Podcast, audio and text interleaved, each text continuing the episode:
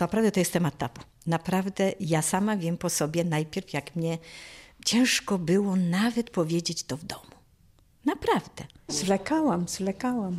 No tak człowiek nie mógł się odważyć, nie? Ale tak, no potem zgłosiłam się, no i prosiłam o pomoc. Pół roku pani się męczyła sama. Tak, pół roku. Komuś z rodziny pani powiedziała? No, mówiłam siostrze. Mężowi nie mówiła. Pierwsza rzecz, niech pani sobie oglądnie, jak to wygląda, żeby pani wiedziała, o czym mówimy. Tego w radiu oczywiście nie pokażemy, ale to jest ważne, żeby wiedzieć, o co chodzi. I pacjentka na początku kaszla, bo czasami pod wpływem kaszlu to wyłazi, a teraz zaczyna przeć. I takie coś jest. O. To jest macica, która wychodzi, znaczy pochwa się wynicowała. Taki worek, to, to jest szyjka macicy z takim polipem. Ten worek jest taki wielki, dlatego że tam wchodzą jelita. I teraz wypadanie z reguły jest związane z uszkodzeniem śluzówki, bo to się ociera, wysycha, pęka i pacjentki mają taką ranę, z tego krwawią i, i to jest problem, żeby przestały krwawić. No i problem jest taki, że z czymś takim to trudno chodzić, nie można usiąść, trudno się wysikać, bo to zagina cewkę moczową i pacjentki, żeby się wysiusiać, muszą sobie to ręcznie wpychać, żeby w ogóle oddać mocz. Panie doktorze, te zdjęcia są tak wstrząsające, że naprawdę już więcej proszę nie pokazywać. Ja to rozumiem. Teraz proszę powiedzieć, co Natomiast pacjentki mają z tym zrobić. Jeszcze chwileńkę. To jest ciekawe zdjęcie, bo to jest rycina z XVI wieku. Więc w XVI wieku pacjentki miały podobne problemy. Spotkaliśmy się, żeby porozmawiać o chorobach, które tyczą mniej więcej 30% kobiet w Polsce i o których w zasadzie się albo w ogóle nie mówi, albo prawie nie mówi. Są to właśnie choroby dna miednicy.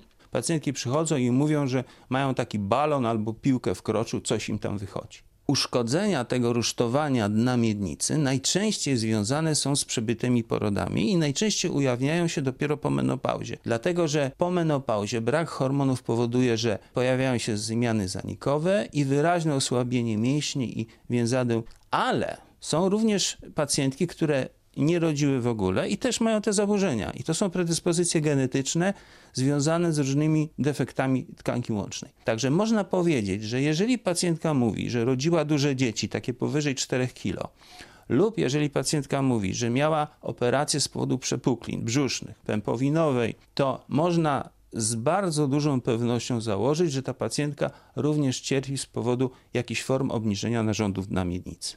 Te problemy pojawiają się w okresie menopauzy, czyli to dotyczy takich kobiet po 60 roku życia? Najczęściej dotyczy kobiet nawet starszych, bo im starsza pacjentka, tym niestety częściej te zaburzenia występują. Natomiast dobrze jest wcześniej te zmiany wykryć, dlatego że można leczyć nie tylko operacyjnie zachowawczo i wtedy jest duża szansa, że uniknie się właśnie takich nasilonych form wypadania, które już bezwzględnie wymagają leczenia operacyjnego. Pół roku, tak. Męczyłam się, nie? Ale w końcu zdecydowałam się, żeby zgłosić się do lekarza. No, zgłosiłam się do ginekologa.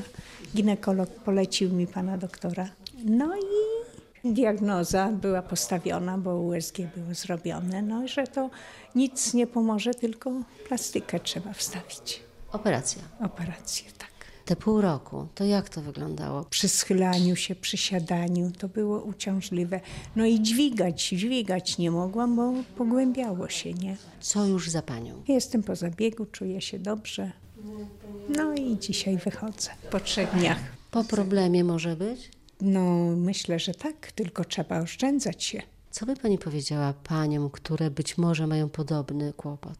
No niech się szybko zgłaszają i leczą się. Nie ma sensu czekać, bo to samo nie, nie minie. Problemy te najczęściej dotyczą starszych pacjentek, ale mogą zdarzyć się również u młodych bezpośrednio po porodzie. Różnica polega na tym, że te młode pacjentki z reguły szukają pomocy i zgłaszają się do lekarzy, natomiast starsze nie. I szacujemy, że najwyżej 10% kobiet szuka fachowej, starszych kobiet, szuka fachowej pomocy z powodu tego typu chorób. Dlaczego nie szukają? Bo się wstydzą, bo babcia miała tak samo, mama miała tak samo, no to ja mam tak samo i nic się z tym nie da zrobić. I to jest nieprawda, bo, bo w większości przypadków jesteśmy w stanie skutecznie pacjentki leczyć. Ja od razu się skusiłam. Jak tylko wyczułam przy myciu, że coś jest nie tak, prawda? Mówię, no, no nie wiedziałam, co to jest, tak? Mówię, o, coś poważnego. No i koleżanka właśnie jeździła do pana doktora Pałczyńskiego i mi poleciła.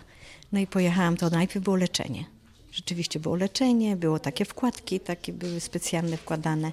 Miałam leki, ale później pan doktor zadecydował, że jednak laparoskopowo. Ja już miałam raz zabieg laparoskopowy w ubiegłym roku, ale niestety moje mięśnie są bardzo słabe. W związku z tym pan doktor decydował, że jednak trzeba taśmy. W tej chwili jestem po zabiegu już. Do leczenia wprowadzono mm, materiały protezujące w postaci takich syntetycznych siatek i taśm i te materiały protezujące są bardzo skuteczne w zastępowaniu funkcji uszkodzonych tkanek. Czyli mamy uszkodzoną powięź, na której opiera się pęcherz moczowy. Jeżeli tą powięź będziemy protezować taką siatką, to jest stosunkowo łatwo uzyskać podtrzymanie pęcherza moczowego we właściwym miejscu i likwidację dolegliwości. Skuteczność zabiegów wykonywanych przez wyszkolonych lekarzy sięga 90%, więc jest bardzo duża. Natomiast no, powikłania w leczeniu operacyjnym zawsze się zdarzają. Natomiast w tych przypadkach powikłania są stosunkowo rzadkie rzadki. Trzeba poza tym wiedzieć, że oprócz leczenia operacyjnego istnieje również możliwość leczenia zachowawczego za pomocą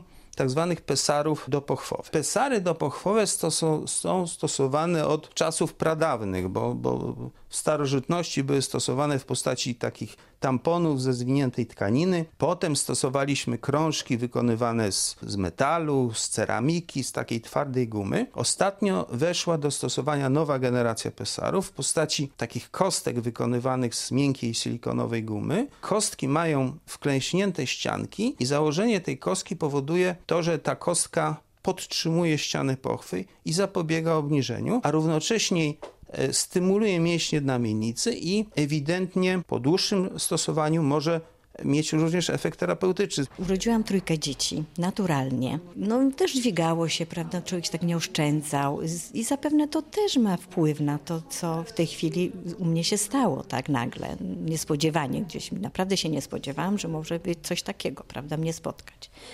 Mam koleżankę, która się boi bardzo i, i cały czas ma stan zapalny, gdzie ja ją namawiam, ona się panicznie boi. Ja mówię, no to, to nie cofnie ci się samo. Podstawowy problem polega nie na tym, że my nie chcemy leczyć pacjentek, bądź źle leczymy, tylko problem polega na tym, że pacjentki muszą chcieć się leczyć, do czego gorąco namawiam. I pierwsza klinika ginekologii przy ulicy Chałmińskiego zaprasza wszystkie pacjentki z tego typu zaburzeniami. Mamy poradnię, która się zajmuje tego, tego typu problemami i chętnie będziemy konsultować, pomagać, leczyć ambulatoryjnie bądź operacyjnie. Do tej pory o uroginekologii ja słyszałam, ale w wydaniu klinik prywatnych. Nie znam drugiego takiego ośrodka, drugiego takiego miejsca, we Wrocławiu przynajmniej.